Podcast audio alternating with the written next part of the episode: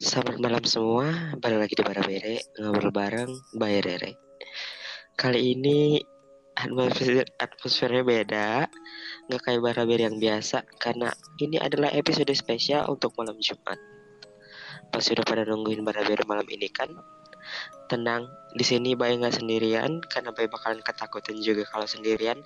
Bay tetap sama Bunda Rere. Halo Bunda. Halo, aduh aku deg-degan banget. Oh my god. Eh, Kali ini kita bakalan bawain kisah nyata horor banget Parah. yang kita ambil dari threadnya Twitter @agil r Syaputra. Betul. Oke, Oke. kalian udah banget sama cerita ini. Kali ini kita bakalan ceritain buat kalian spesial malam Jumat. Let's go.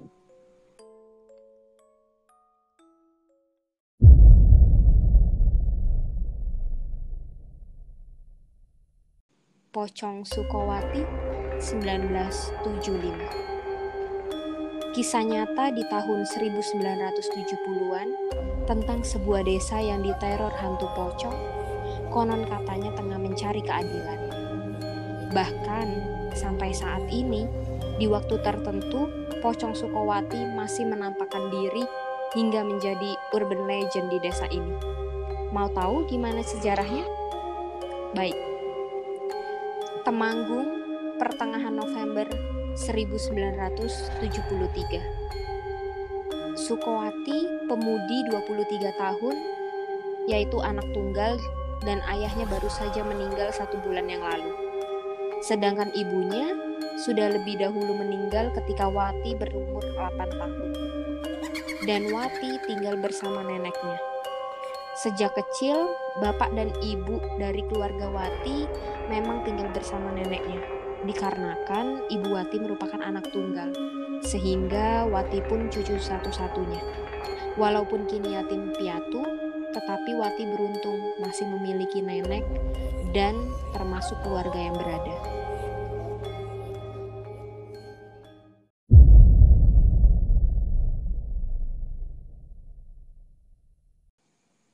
Menurut saksi, Wati adalah bunga desa.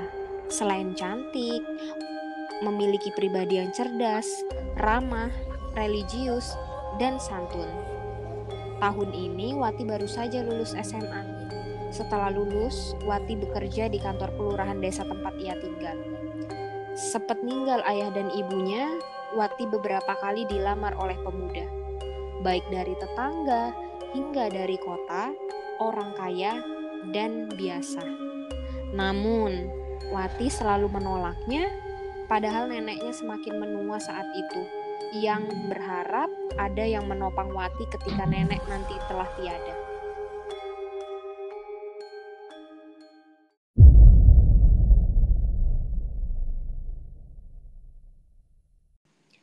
Orang-orang tahu apabila Wati punya hubungan dengan Bondan. Bondan adalah teman Wati sejak awal SMA. Tapi sang nenek sepertinya tidak setuju terhadap hubungan mereka.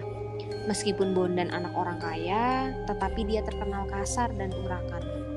Nenek Wati pun sudah berulang kali mengingatkan, tapi mereka berdua justru menjalin hubungan dengan diam-diam. Konon, ayah Bondan pun sepertinya juga tak setuju kalau anaknya dengan Wati memiliki hubungan yang spesial. Kalau kata orang Jawa, seje botoh. Istilahnya menjadi lawan politik.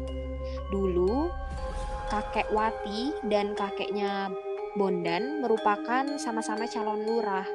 Dan kakek Wati menang pada saat itu, tapi kakek Bondan yang kalah. Karena merasa dicurangi dan dendamnya diwariskan ke anak cucunya. Itu deh kenapa disebut namanya Seje Botoh sudah berseberangan lah intinya. Seperti kebiasaan orang Jawa kuno, kalau sudah berucap, pantang untuk diingkari. Begitulah kiranya.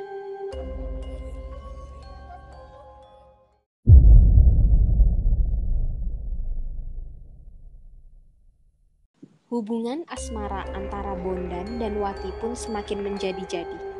Seiring menuanya nenek, Wati sudah mulai kekurangan karena harus bekerja sendiri menghidupi neneknya yang mulai sakit-sakitan. Tetapi akhir tahun 1974, Bondan justru menikah dengan orang lain. Wati sebenarnya tahu soal perjodohan Bondan dengan wanita itu. Tetapi Bondan sudah berjanji tidak akan menikah dengan wanita selain Wati. Bukan masalah itu, tapi konon katanya Wati tengah hamil pada waktu itu. Warga tak pernah melihat Wati lagi sejak pernikahan Bondan. Wati pun sudah tak lagi bekerja.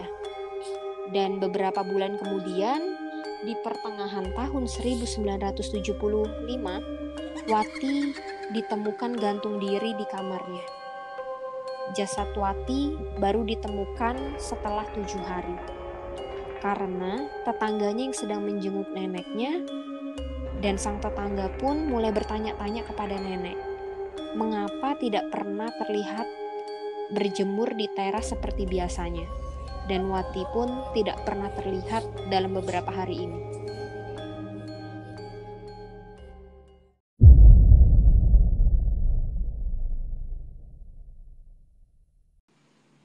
Tetangga pun berbahasa basi menengok nenek Wati.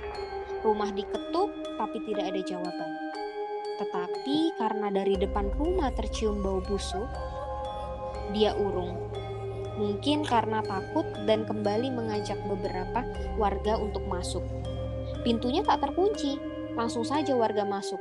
Dan menuju kamar nenek Wati pun, di sana beliau terbaring di ranjang. Saat salah satu warga masuk, sebut saja Ibu Santi dan nenek Wati seperti ingin terperanjat dari ranjangnya.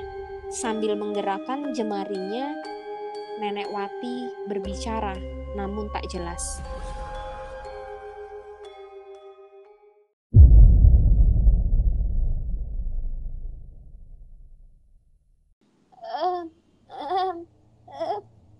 Pripun, Mbah? Kok boten nanti ketinggal?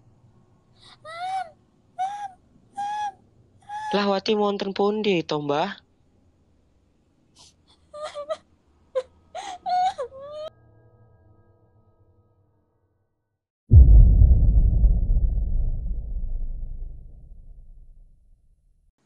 Bu Santi dengan segera keluar. Ternyata warga sedang mencoba membuka kamar Wati yang terkunci. Bau busuk menyengat. Setelah didobrak, benar saja Wati gantung diri dengan kain sarung yang dikaitkan ke kayu penopang atap. Jasadnya sudah menggelembung, mengeluarkan cairan. Perutnya seperti orang hamil sekitar enam bulan. Dan gegerlah satu desa waktu itu. Sang bunga desa tewas gantung diri. Dan setelah jenazah dimakamkan, barulah kejadian-kejadian seram kerap terjadi. Desa menjadi mencekam, kebanyakan warga tak berani keluar setelah maghrib.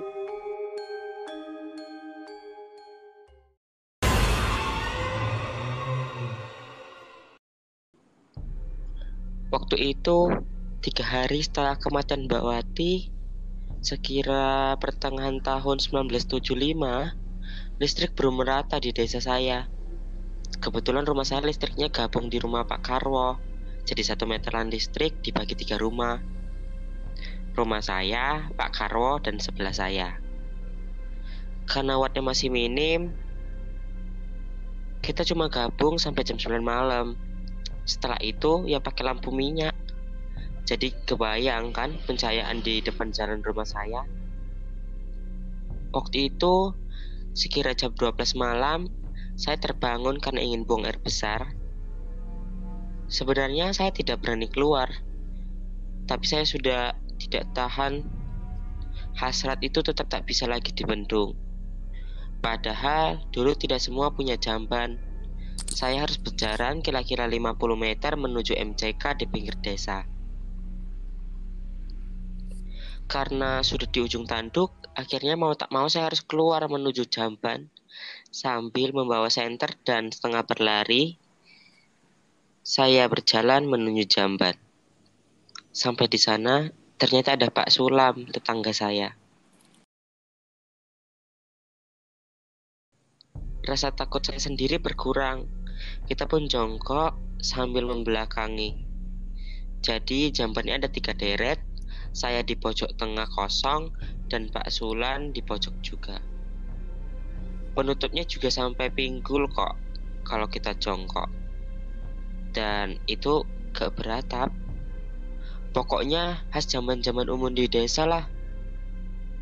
Pak Sulam diam saja. Cuma terdengar suara hisapan rokok gelembak kemenyannya yang menyengat. Saya mencoba ngobrol dengan Pak Sulam.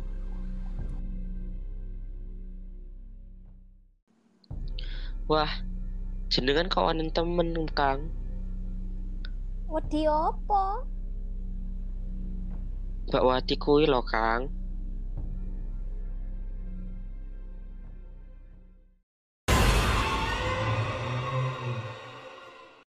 Pas saya nengok, ternyata tidak ada siapa-siapa. Saya takut sekali. Sampai lupa waktu itu apakah saya sempat cebok atau belum. Saya langsung berlari menuju rumah. Tolong! Saya teriak. Saat sampai di depan rumah, saya jatuh terpeleset. Pada saat saya mencoba berdiri, saya melihat sosok putih di depan rumah tetangga sebelah saya. Awalnya saya kira karung beras, tapi kok bergerak menghantam pintu. Saya raih senter di samping saya. Pas saya soroti, ternyata pocong. Kalau menurut saya.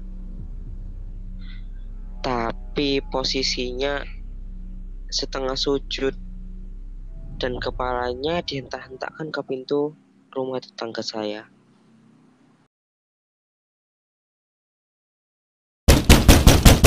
Saya langsung spontan berdiri masuk rumah dan masuk ke kamar. Pikiran saya sangat kacau. Seperti mimpi. Saya hidupkan lima lampu minyak di kamar biar suasananya sedikit terang dan saya tertelungkup di ranjang dan menutup selimut.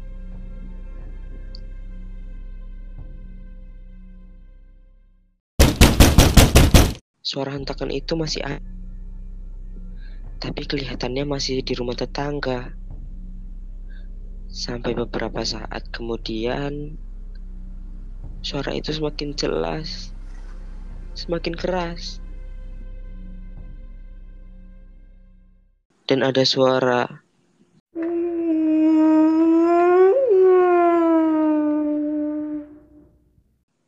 seperti orang yang dibungkam mulutnya. Suara itu bertahan 10 menit mungkin dan kemudian pindah ke sebelah. Keesokan harinya semua warga geger. Mereka bersaksi pintu rumahnya diketuk oleh sosok pocong yang diduga Mbak Sukowati.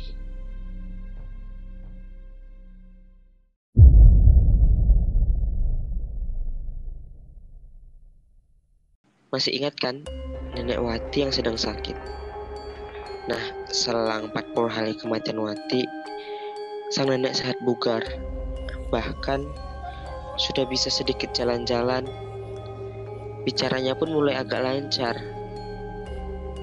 Sepeninggalan Wati, nenek diurus keperluannya oleh warga sekitar karena dulunya beliau juga yang dermawan dan baik warga Iba dan mencoba membalas kebaikannya dengan saling bekerja sama mengurus keperluan beliau.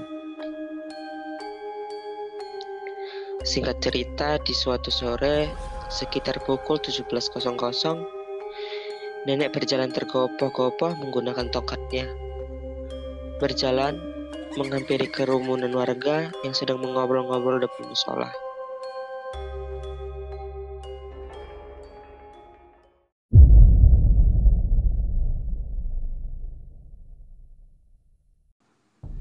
Wonten nopo, Mbah?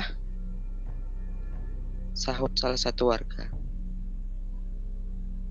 Wati, Wati balik, gowo bayi. Kata nenek, warga kebingungan dong. Wati sinten, Bah? Sukowati, putuku. Dengan nada yang meninggi. Jok teleke nek rak ngandel. Kata nenek lagi. Berkerumunlah warga yang penasaran bersama-sama membuktikan omongan nenek dan setelah dilihat memang tidak ada siapa-siapa di situ. Tapi warga tetap bergidik ngeri. Asalnya nenek ngotot sekali bahwa cucunya yang mati bunuh diri itu kembali pulang ke rumah dengan membawa bayi sore itu. Sebagian warga juga menganggap mungkin nenek saking kangennya sama cucunya sampai berhalusinasi seperti itu. Sampai beberapa hari kemudian, Mas Sarjono. Sesuai dengan namanya, beliau adalah sarjana pendidikannya tinggi. Dan beliau adalah orang yang paling tidak percaya dengan hal-hal mistis. Beliau juga yang getol bilang kalau si nenek sudah pikun dan gila sehingga berhalusinasi. Kejadiannya sore hari, hampir maghrib. Mas Sarjono pulang dari desa sebelah naik sepeda ontelnya. Di jalan yang waktu itu sepi, Mas melihat wanita dari kejauhan berjalan di depannya. Pakaiannya dress batik dengan selendang seperti sedang menggendong bayi. Semakin mendekat, seperti bau anyir. Dan dari belakang, jarak kira-kira 5 meter, ada yang janggal. Jadi, pakaian area pantat wanita tersebut seperti basah, namun merah seperti darah. Dengan kaget, Mas Arjono menghentikan sepedanya sesaat. Sosok itu ber kembali berjalan dan membalikkan badan. Sambil terus tersenyum jahat, sosok itu berbicara sekali. Mas! Dan berjalan mundur cepat sekali. Dan menghilang di kabut ujung desa. Mas Arjono berlari meninggalkan sepedanya. Setelah bertemu warga, Mas Arjono bersumpah bahwa yang dilihat itu adalah Sukowati. Dia hafal dengan tai lalat di bawah matanya. Kejadian itu sangat cepat dan merubah cara berpikir Mas Arjono yang tidak percaya menjadi sangat percaya. Kembali ke nenek. Setiap beberapa hari sekali, warga bilang kalau nenek sering kali menghampiri warga di sore hari. Dan kembali bersaksi kalau Sukowati pulang ke rumah dengan membawa bayi. Duduk di kamarnya. Nenek bersaksi bahwa Sukawati pulang itu terus berulang-ulang hingga nenek menghembuskan nafas terakhirnya.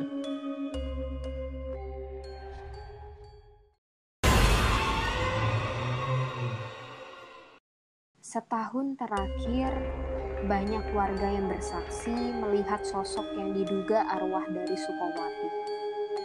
Ada yang berbentuk pocong, ada pula yang melihat dengan bentuk wanita berpakaian dress batik sambil menggendong bayi. Tapi selain itu, ada yang terlupakan, yaitu Bondan. Mantan kekasih Sukowati yang diduga menjadi penyebab Sukowati bunuh diri lantaran menikah dengan wanita lain. usia pernikahan Bondan dengan wanita ini justru tak bertahan lama. Terlebih setelah Wati bunuh diri. Setelah kejadian itu, ternyata terjadi hal-hal aneh terhadap Bondan. Bondan mendadak stres dan suka mengamuk. Alhasil istrinya pun menceraikannya.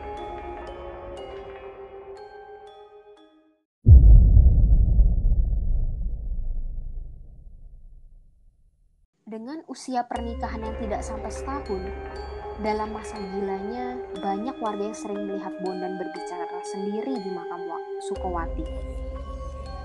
Kadang menangis, tubuhnya yang gagah pun menjadi kurus kering. Keluarganya sudah mencoba berbagai cara untuk mengobatinya, dari RSJ sampai dibawa ke orang pintar. Tetapi tetap tidak ada perkembangan. Pernah di suatu malam hari, Bondan berlari keliling desa sambil berteriak, Wati, Wati, aku melu. Pak Narso pernah melihat Bondan duduk di depan makam Sukowati. Bondan menggaruk kepalanya sampai berdarah. Mungkin sampai kulit kepalanya mengelupas sambil tertawa terbahak-bahak. Bahkan pernah di siang hari di jamban umum dan lagi banyak warga nih. Nah, si Bondan ini lagi buang air besar, tetapi kotorannya ditadah dengan tangannya sendiri dan dia makan. Entah apa penyebab Bondan menjadi gila, tetapi warga meyakini itu karena kesalahannya dengan Sukowati. Bisa saja karena dia terlalu merasa bersalah karena bunuh dirinya Sukowati di tahun 1975, kegilaan Bondan ini semakin menjadi-jadi dan meresahkan juga karena keluarganya mungkin malu, Bondan sempat juga dipasung kurang lebih 1,5 tahun. Baru di tahun-tahun berikutnya Bondan dibiarkan berbaur, tapi penyebaban kepastian gila Bondan ini belum bisa dibuktikan. Walaupun warga meyakini itu karena karena Sukowati. Bondan tidak pernah benar-benar sembuh. Dia tetap linglung sampai akhir hayatnya. Bondan meninggal di antara usia 64 hingga 65 tahun di tahun 2004-an. Dan teman-teman mau tahu? Dengan cara gantung diri.